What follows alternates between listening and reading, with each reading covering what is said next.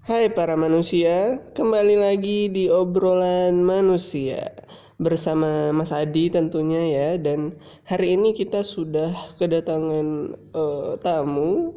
Pria ini cukup terkenal di jagat pertwitteran dan uh, Instagram. Siapakah dia? Dia adalah siapa siapa mas saya namanya? Namanya uh, Kalil Kalil aja. Kalil aja. Mas Kalil ini terkenal karena apa? Terkenal karena ramah kali. Ya. Bukan ramah. ramah. Karena sombong. Karena sombong. Ya. Nggak tahu saya terkenal karena apa. Saya juga nggak tahu mas. Saya kenal iya. karena kita satu kuliah iya. aja. Ya, satu jurusan. Satu kan? jurusan. Di satu kampus lah pokoknya. Iya. Jadi uh, hari ini tuh kita mau ngebahas uh, tentang ini, tentang kenakalan remaja dan yang ujung-ujungnya berkaitan dengan uh, jangan jadi orang tua sebelum uh, sebelum apa ya bilangnya sebelum memenuhi syarat-syarat ini gitu loh untuk uh, keselamatan anak-anak Anda. Uh, iya, benar sekali ya. Gimana tuh Mas Khalil? Ini kita berbicara berdasarkan pengalaman uh, pribadi dan pengalaman teman-teman kita ya, yang tentu saja namanya akan kita sensor dong. Ya tentunya kan ini privasi, nggak boleh dong. Ya privasi. Jadi anda anda tidak akan bisa menghujat kami. Nah, karena identitasnya dirahasiakan dong. Iya. Nah, jadi, jadi gini mas dari mana mas Adi? Yang kan kita gedenya di kota yang berbeda lah mas ya. Jadi kalau di kota mas ya kan itu kenakalan remajanya lebih ke mana kalau di kota Padang ya. Kota Padang kota Padang kenakalan remaja itu kalau di zaman saya nakalannya itu masih wajar gitu. Contohnya? Kayak, contohnya contohnya. Kalau waktu waktu masih SMP ya hmm. uh, main cuma itu pergi main mercon kalau misalnya bulan puasa gitu kan. Itu kan cuma orangnya orang orang mercon gitu. Itu tidak nakal dong. Nakalnya sama anak-anak lain. Oh maksudnya tawuran waktu main mercon gitu. Iya. Tapi nggak sampai melukai nggak sampai ada korban gitu. kecuali merconnya meledak di tangan. Ya itu salah dia sendiri. Dia goblok berarti apa jadi itu kan iya iya iya iya. Itu karena kalian masih ringan lah masih wajar lah. Namanya juga anak-anak. karena anak-anak SMP yang banyak itu kayak kasus tawuran lah. SMP tawuran? Iya di sini SMP tawuran. Saya kira yang tawuran itu yang udah gede-gede atau masih eh masih SMA udah SMA iya di sini, di sini SMP wow. tawuran de dekat rumah saya itu ada ada geng-gengnya gitu loh. Geng anak-anak iya. yang suka tawuran. Dia kan bawa-bawa senjata tajam. Kan. mainnya dekat-dekat kompleks saya. Jadi tiap malam itu polisi itu pergi patroli kan patroli untuk bubarin anak-anak yang ngumpul-ngumpul. Soalnya masih di bawah umur semua ya bahaya juga lah kan gitu. tapi itu mereka anak-anak sana gitu tinggalnya di dekat tempat nongkrong tawuran iya anak sini Oh ya kalau itu mudah dong men mencari bapaknya siapa, ibunya siapa. Iya. Tolong nah. anda-anda yang cari tongkrongan ya kan, apalagi tongkrongan yang berbahaya seperti itu jangan dekat rumah dong. Nanti mudah mengadukan anda. Nah, cobalah pergi agak ke mana gitu ke hutan ke hmm. yang nggak tawuran Biar tidak tawuran juga anda kan. Terus apa ya, lagi tuh mas yang kenakalan kenakalan itu? Tawuran berarti yang kedua tambah meningkat. Tambah meningkat? Iya oh iya sih saya juga pernah waktu subuh subuh waktu balik dari McD tapi kita di, tidak disponsori McD ya. Waktu balik dari McD lewat uh, jembatan arah ke atas mas ya. Iya. Nah, ternyata ada orang tawuran jam 5 pagi. Apa jam setengah lima pagi orang sholat subuh di tawuran? Iya dekat stasiun masih kan lewat stasiun arah ke atas kan. Orang-orang pada tawuran dong untung saya dengan abang saya. Jadi langsung belok ke arah eh, kanan. Untungnya nggak kenapa-kenapa. Ya soalnya di situ daerah rawan mas. Daerah rawan tawuran. Nah ya tapi saya lihat juga masih bocah-bocah sepertinya masih anak-anak SMP yang masih tawuran-tawuran masih SMP badan-badannya masih kecil ya. Iya, tapi bawa balok-balok kayu. Dan untungnya tidak bawa-bawa golok sih saya lihat. Untung bawanya masih balok kayu gitulah. Iya. Terus apa lagi Mas ya? Yang yang Mas rasakan? kalau kenakalan remaja Mm-mm. itu sih yang paling menonjol ya yang paling sering dilihat kalau yang lain mah kayaknya misalnya anak SMP ngerokok. Oh, oh ya, wajar. Itu eh, cukup bukan wajar. sering lah kita temuinya walaupun tidak wajar dong. Kan kalau merokok 18 plus Mas ya. iya Kalau maksudnya- se- sering kita temui lah ya. wih tapi nggak berbahaya untuk kita gitu. Kecuali asapnya ditiupkan ke hidung kita. Bahaya dong ngudur kan di depan hidung kita. Nah. itu bisa ditampar saja kalau seperti itu. Tidak sopan. Tempeleng gitu namanya. Tapi kalau anak SMP sih kalau ngudut biasanya masih itu masih masih sembunyi sembunyi kan. Jadi masih masih sopan lah gitu. Daripada yang gak sopan banyak. Ya bukan banyak sih tapi ada juga satu-satu. Tapi dibandingkan anak-anak kuliah ya kan? Ngudut sembarangan Anda di dekat pintu kelas di kantin. Itu lebih tidak sopan daripada anak SMP yang ngudut dan orang jadi tidak nyaman juga. Jadi tolong yang masih ngudut-ngudut ya itu hak anda. Cuma pikirkan juga dong ke ketenangan hati saya dan orang lain. Terus apa lagi mas ya? yang yang terasa gitu yang sering ditemukan. Apa lagi ya? Eh itu sih nakalan yang sering dilihat ya ya kalau udah mau masuk kuliah ya kan kita juga remaja juga kan waktu kuliah. Nah. Apa tuh? Kalau saya sih menemukannya ya makin banyak aja mas ya. Eh, jenis kenakalannya tuh makin banyak aja. Seperti apa?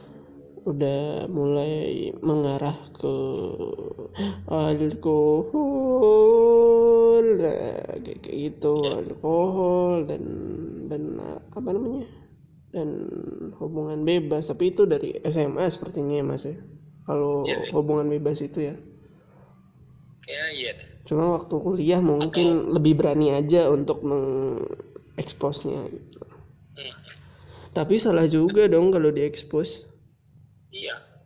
Cukup. kayak ini loh eh, efek dari itu loh orang-orang kayak misalnya pacaran tapi di umbar-umbar gitu ngerti nggak?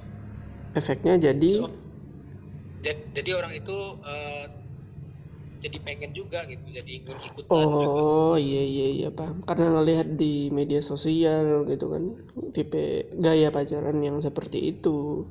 Jadi yang awalnya tidak pengen tapi imannya jadi goyah dong. Karena ada sosmed kan imannya digoyang. Iya benar juga ya tapi ya kadang sos- sosmednya itu tidak bisa dihentikan mas. Cuma kitanya aja yang harus membentengi diri kita gitu loh. Tapi susah juga. Nah juga. Iman orang itu beda-beda. Iya. Terus Tapi yang lebih susahnya itu Mas Khalil ya kalau em, dihasut oleh teman-teman. Kan Iya. kadang kita menemukan eh, eh ayo kita pergi ke tempat minum itu. Ayo. Padahal ayo ayo anak ini sebelumnya tidak pernah ke tempat itu. Tapi Di- ketika sudah di sana apa sih namanya dicekokin? Iya. Ya dicekokin. Ayo minum ayo minum. Nah kayak gitu. Itu teman-temannya anda menjerumuskan orang ke dalam kesesatan dong. Iya kalau kalau mau berteman kalau dia nggak mau misalnya dikasih ya udah biarkan aja. Bukan berarti anda nggak teman lagi sama dia Iya, itu juga tuh yang yang pengaruhnya nanti nggak bagus juga sebaiknya dihindari.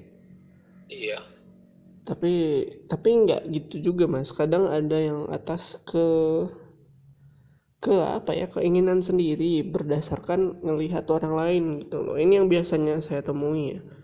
Ah, Eh, coba coba mau coba saya pernah lihat dan mengalami biasanya fase-fase kalau anak-anak kuliahan itu mau minum-minum gitu. Ya. Itu biasanya beli itu dulu eh, oh. Banteng zero. Kita sensor aja lah mereknya nggak enak aku nyebutnya. Banteng zero yang botol kaleng itu loh mas.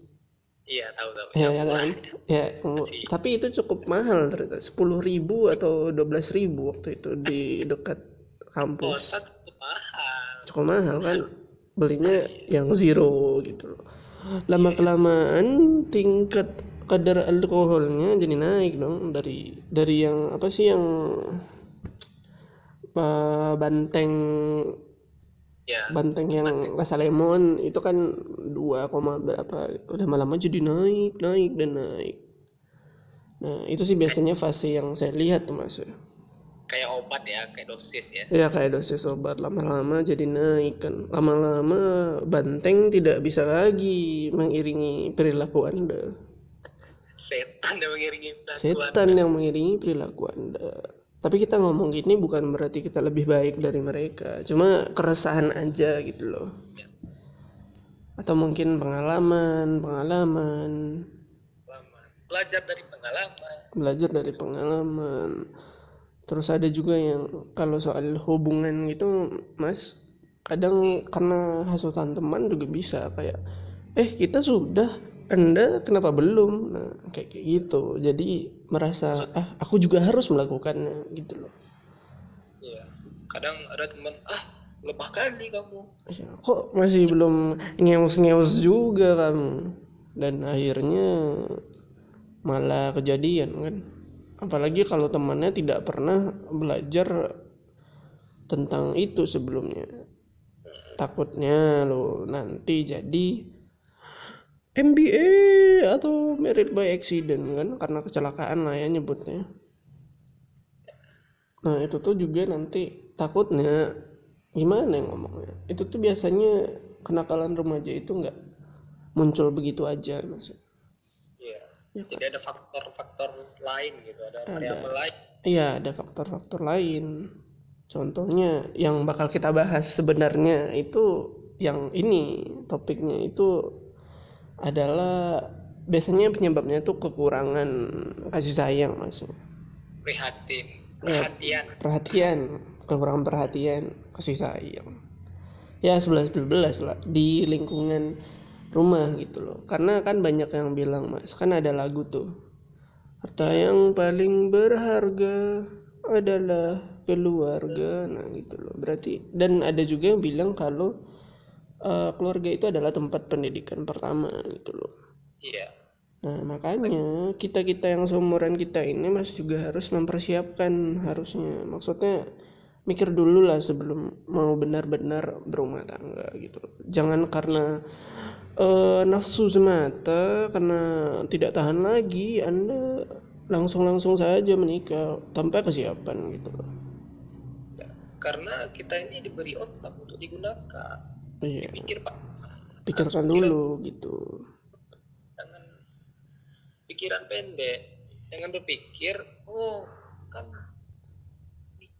nikah kan bisa cari rezekinya kan bisa sama-sama boy kayak gitu Iya kalau anda dapat lamaran pekerjaan cepat ya bisa lah gitu. Tapi kalau anda fresh graduate sudah enam bulan menganggur dan di bulan ketiga anda memutuskan menikah dong tidak gitu dong. Jadi anda jadi pengangguran dulu sepertinya. tidak gitu ya Ya bahaya kalau kayak gitu. Kecuali anda sudah siap secara mental gitu. Ya nggak apa-apa gitu nikah aja. Nanti susah bersama ya oke gitu. Kalau si ceweknya juga mau gitu kan.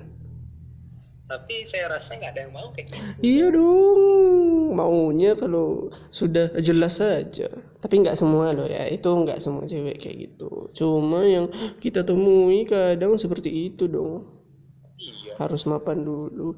Ya, giliran sudah mapan, seleranya bukan anda lagi dong. Bukan selera sih, apa sih namanya mas?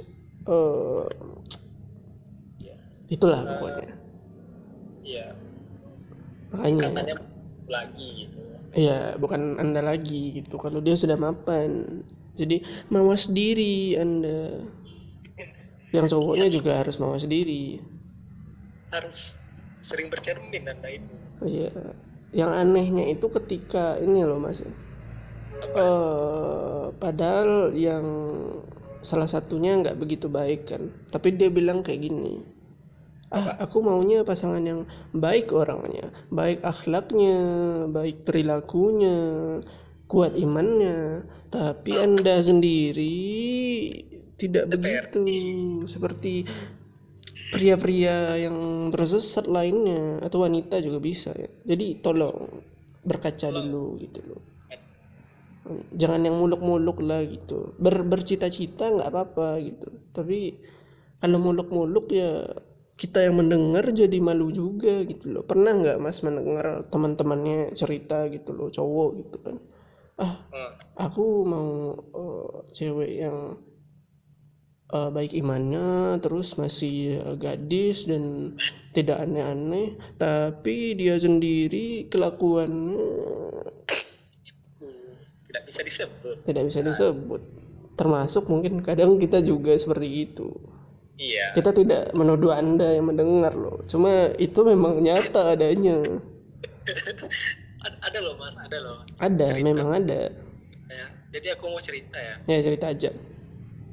Ada temanku Hmm? dan WA Ini dia ini inisial. dia cewek dia cewek Ah, inisialnya nggak usah sebut inisial lah cewek ya pokoknya iya iya iya. jadi dia buat story kan buat story tuh storynya eh, kayak yang hafiz Al-Quran gitu loh oh ngerti kan? Oh iya iya. dia buat caption tuh. Pengen suami yang kayak gini Nah, gitu. iya. Masih masih normal. Ya, terus? Terus saya tahu dong teman saya ini gimana kelakuannya. Hmm, saya tahu dong menan di WA masa saya nggak tahu? Kan iya. WA itu kan yang kita kenal gitu kan. Hmm, terus saya komen. Saya komen Iya. saya dikritikan. Cuma kayak saya kasih kasih komentar tapi eh, ngasih saran juga yang baik. Hmm. gitu loh. Saya bilang gimana mau dapat yang kayak gini sedangkan kita aja kayak gini gitu. Oh, alah, saya paham ini arahnya ke mana. terus dianya dianya langsung ke trigger gitu. Marah dia kan emangnya saya seburuk apa gitu ya. Oh, sadar diri dong Anda. terus saya saya saya kasih ini ngasih saya bilang jodoh itu cerminan diri gitu saya Iya, saya pernah dengar tuh. iya karena ada di Al-Quran Oh, ada di Saya percaya Al-Qur'an. ada ada surat ada suratnya saya kasih dia dia ke trigger Lu, lu, lu, lu, lu, lu. Terus dia bila, bilang apa Mas Khalil? saya kan ngasih fakta masa saya ngasih kebenaran saya dimarahin Terus dia benar bilang apa tuh? Kamu jangan lancang ya Khalil. nggak gitu Oh nggak gitu. dia ngomong kan eh, emang sejelek apa saya terus saya jawab oh nggak jelek saya mau ngingatin doang gitu Hmm. siapa, itu nggak di rate chat saya ya udah Oh, jangan-jangan Anda di blok kan ini? nggak di blog tapi story saya masih dilihat Oh, mungkin sudah itu, sudah keburu kesal dengan Anda. Karena nyatanya memang begitu kali.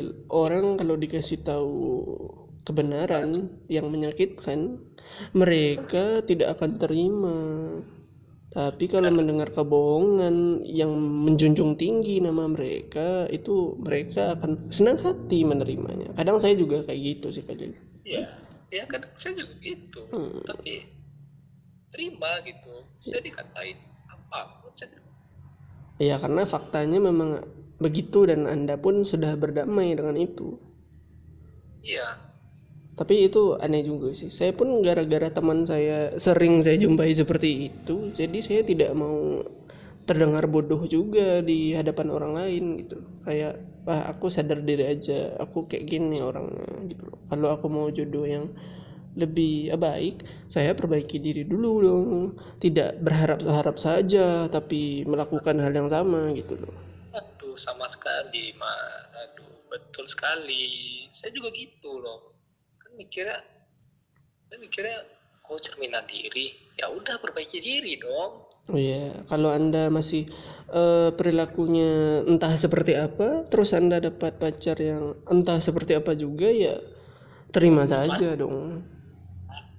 itulah anda gitu Ya, itulah Anda gitu.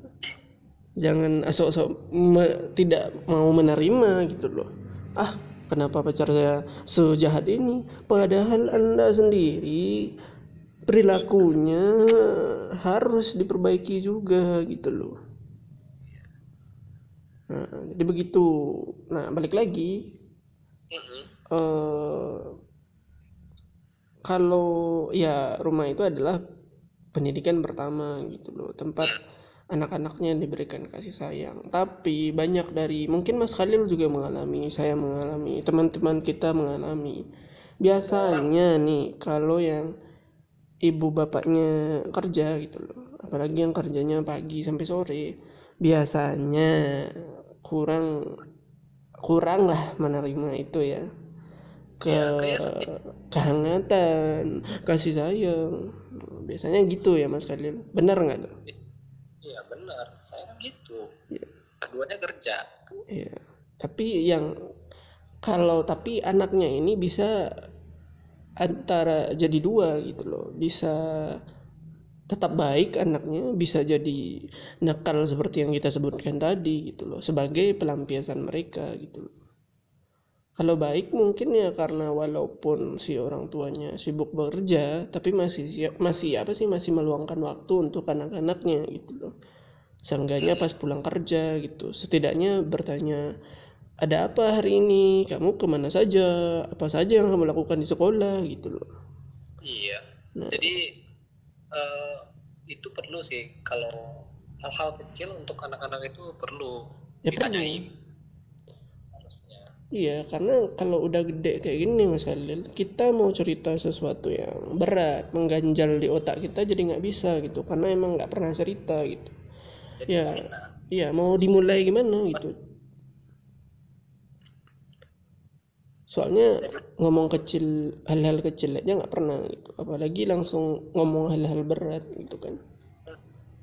seperti itu kan misalnya eh, kita mau cerita tentang apa gitu yang berat tapi kita mau syarat gitu bukan marah-marah Nah, iya itu juga sayangnya ditemui juga kayak gitu gitu loh.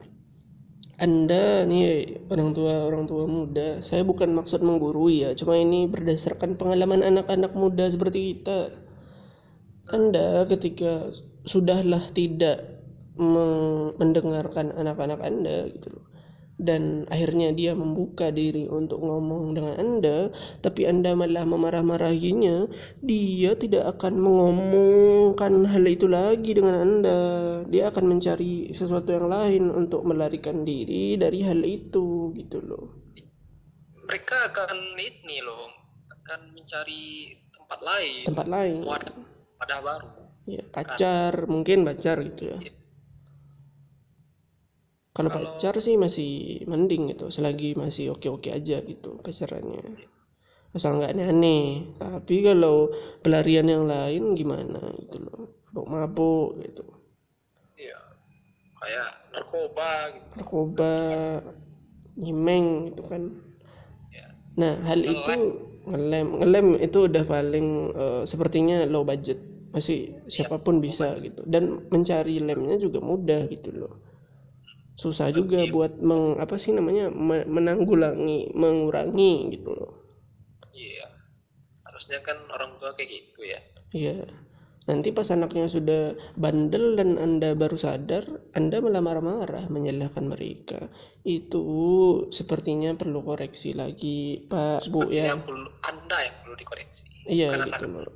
Bukan saya menggurui Bapak Ibu gitu, tapi kenyataannya emang seperti itu. Sebelum anak Anda terlalu dalam terjerumusnya gitu. Masih ada waktu untuk berubah. Ini suara mobil berisik, Cok. Padahal udah di tempat yang sepi. Jadi ya gitu Mas Khalil. iya jadi kan harus pandai-pandai orang tua ya harus banyak ngomong lah pokoknya apa pun apa pun hal sekecil apa pun harus diomongin gitu tapi jangan kayak menghakimi gitu loh Iya. Misalnya, eh, kan anaknya jatuh Hmm. Kok Jadi- goblok kamu bisa jatuh gitu? jangan diwarah-warahin eh kamu kan apa nih lari jatuh kan ya namanya anak kecil ya iya lari-lari Apalagi kalau yang nggak tahu apa-apa kayak anak kecil gitu loh. Mana tahu dong dia bisa jatuh karena lari-lari. Nah, benar sekali yang harus kita bilang itu ayo bangun Ya, memotivasi dari kecil gitu loh. Gila Itu itu biasanya hal-hal kayak gitu tuh dari kecil gitu. Lama-lama jadi kebiasaan gitu kan. Ah, sepertinya anakku tidak apa-apa. Sepertinya dia menjalankan kehidupan dengan baik saja. Padahal di dalam diri anaknya sudah bergejolak api-api kegelisahan gitu loh. Ketidaknyamanan yang membludak gitu yang membludak dan satu saat bisa saja meledak gitu kan dan itu mungkin ditemui juga gitu loh kayak anak-anak yang kan kita pernah dengar tuh anak-anak adalah peniru yang baik gitu loh. Kalau dari Ya, kecil terbiasa dimarah-marahi gitu kan apalagi untuk hal yang tidak jelas atau cuma dimarahi karena pelampiasan aja gitu. Nanti Iya. pas sudah gedenya anda juga akan menerima amarahnya secara langsung gitu loh. Karena mereka Secara- terbiasa gitu secara tidak sadar ya Iya, karena mereka kebiasa di kasar-kasari gitu loh. Dan kalau anak yang kasar ke orang tua, mereka jadi berdosa dong. Nanti jangan sampai jadi anak durhaka mereka gara-gara Anda. nggak gitu dong jadi yang buat dosanya orang tuanya dong kan dari kecil sudah diajarkan untuk Untuk marah-marah ya, iya. Saya rasa Tuhan adil lah untuk mencari eh, asal kenapa kayak gitu. Tapi ya gitu, kenapa harus marah-marah? Kalau bisa diselesaikan dengan hal kadang yang dimarahi adalah hal sepele gitu loh. Kayak makan misalnya. Eh kamu makan kok nggak habis? Nggak ada otak kamu ya? Ya, Nanti kalau sudah gede anaknya marah juga kayak gitu. Loh, ibu kok makannya nggak habis, nggak ada otak ya. Nah, gitu gimana dong? Sakit dong hatinya. Kita juga merasa bersalah setelah itu kalau hal itu kejadian. tapi nggak gitu konsepnya Nggak gitu konsepnya. Itu contoh gitu loh. Mungkin nggak itu contoh yang yang kejadiannya. Cuma contohnya kayak gitu. Cuma nggak tahu lah ya bisa aja kejadian loh mas kali. Oh, Sedangkan anak yang membunuh orang tuanya aja ada kasus kan.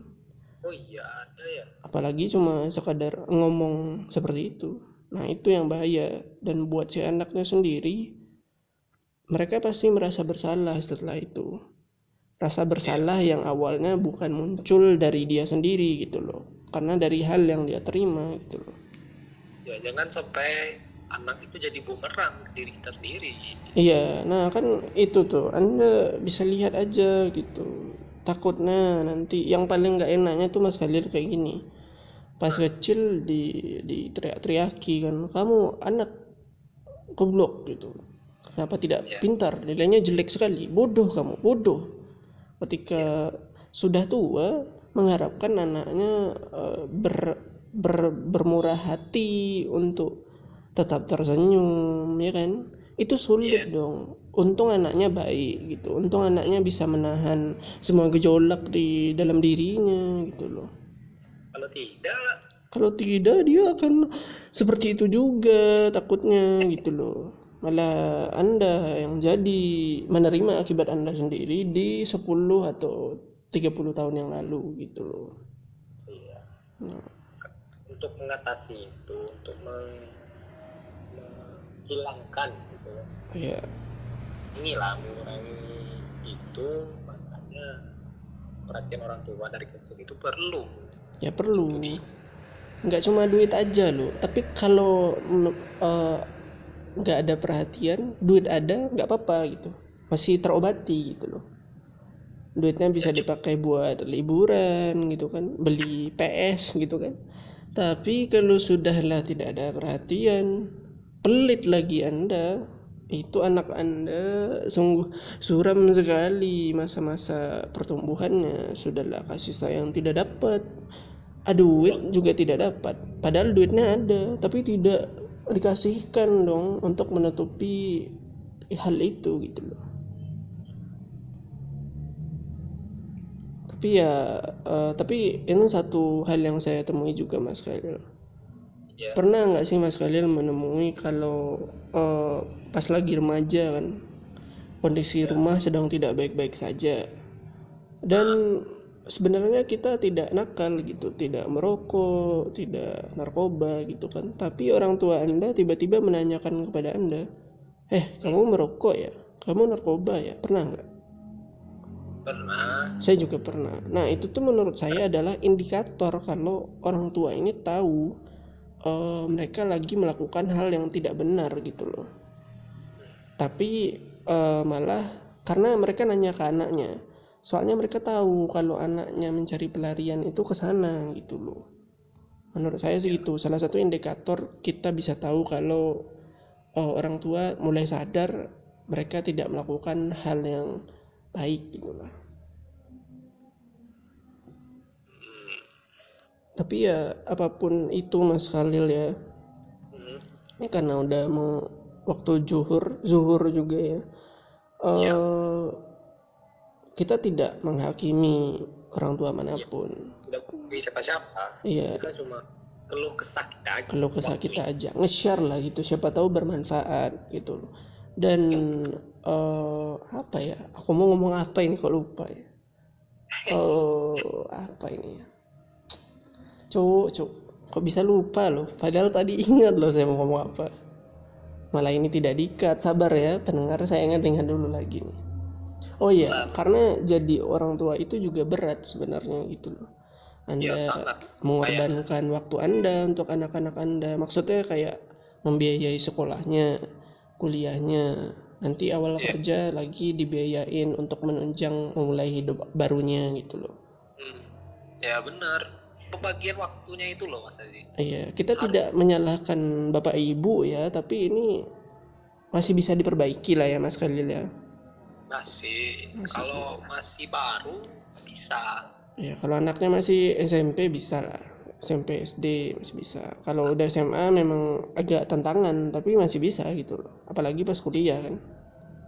itu kan pola pikirnya itu udah berjalan tuh Iya, udah punya karakter sendiri gitu loh. Jadi susah lagi untuk ngebentuk ya gitu. jati dirinya itu udah ada loh Iya, nah itu kelihatan loh udah mulai ada cikal bakal pemberontakan misalnya kan. Jadi gitu. Pasti. Jadi kita menghargai setiap bapak ibu yang sudah bekerja eh, susah payah menafkahi anak-anaknya karena kita sendiri pun merasakan orang tua kita telah bekerja susah payah untuk bisa menyekolahkan kita gitu loh. cuma ya dibagi aja waktunya gitu malam pas bapak ibu lagi nggak ngapa-ngapain kan jangan cek grup WA yang isinya hoax hoax semua ya ngobrol lah dengan anak anda misalnya ya mas hmm. kan orang tuanya kerja dari pagi kan sampai Hmm. sore Hmm. malamnya itu orang tuanya itu jangan siap maghrib itu jangan lihat HP juga. Iya. Jangan lihat TV juga, sama anaknya gitu. Ya ngobrol gitu kan. Eh dek gimana cewek kamu? Udah putus? Ah, kayak gitu aja nggak apa-apa gitu. Kadang walaupun topiknya menyebalkan seperti itu kita tetap senang gitu loh. Padahal kita tidak punya pacar ditanyain cewek lagi. Yang penting ditanyain. Yang penting ditanyain gitu loh. Jangan sampai karena anda sibuk main HP anak anda jadi tidak peduli lagi gitu loh sama kayak pacaran loh mas Khalil. Eh, Iya. waktu itu bukan di eh, waktu itu diluangkan gitu loh. Iya. Untuk eh, anak-anaknya gitu loh. Bukan gimana ya nggak sesusah itulah mencari waktu gitu. Korbankan aja waktu-waktu yang nggak penting gitu. Ya seperti ini loh mas. Eh, bertemu itu bukan sesempatnya tapi menyempatkan. Nah iya itu yang saya mau bilang tadi. Cuk susah kali otak saya yang mengingatnya gitu loh. Nah, itu. Jadi diluangkan gitu. Apalagi kalau kita sadar mereka salah satu dari orang yang kita cintai gitu loh. Nah, jadi eh, mungkin itulah ya pembicaraan kita hari ini karena udah masuk waktunya zuhur juga dan sudah Udah cukup lama juga lama ya. juga ngobrolnya. Semoga obrolan kita bermanfaat ya Mas Khalil. ya semoga pembelajarannya ada lah Iya. sedikit walaupun nggak banyak Iya, walaupun banyaknya ngomong-ngomong nggak jelas aja ya kan. Hmm. Kita sayang orang tua kita ya kan. Nah, jadi buat orang tua di luar sana, kita tidak pernah menyalahkan Anda.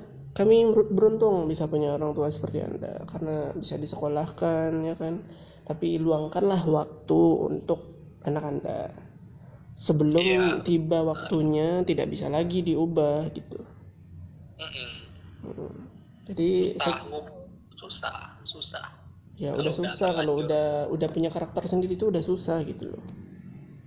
iya Jadi ya gitu Mas Khalil obrolan kita hari ini. Terima kasih Mas Khalil telah eh, mampir di podcast obrolan manusia gitu loh.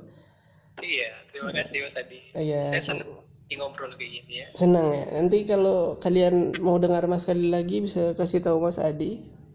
Kita bisa omongkan hal-hal yang jadi keluh kesah kalian tapi kalian tidak sanggup untuk ngobrolinnya, silahkan kasih tahu kita aja. Nah, sampai jumpa para manusia, ketemu lagi di obrolan manusia berikutnya bersama saya Mas Adi dan Mas Khalil. mas kali Bye. bye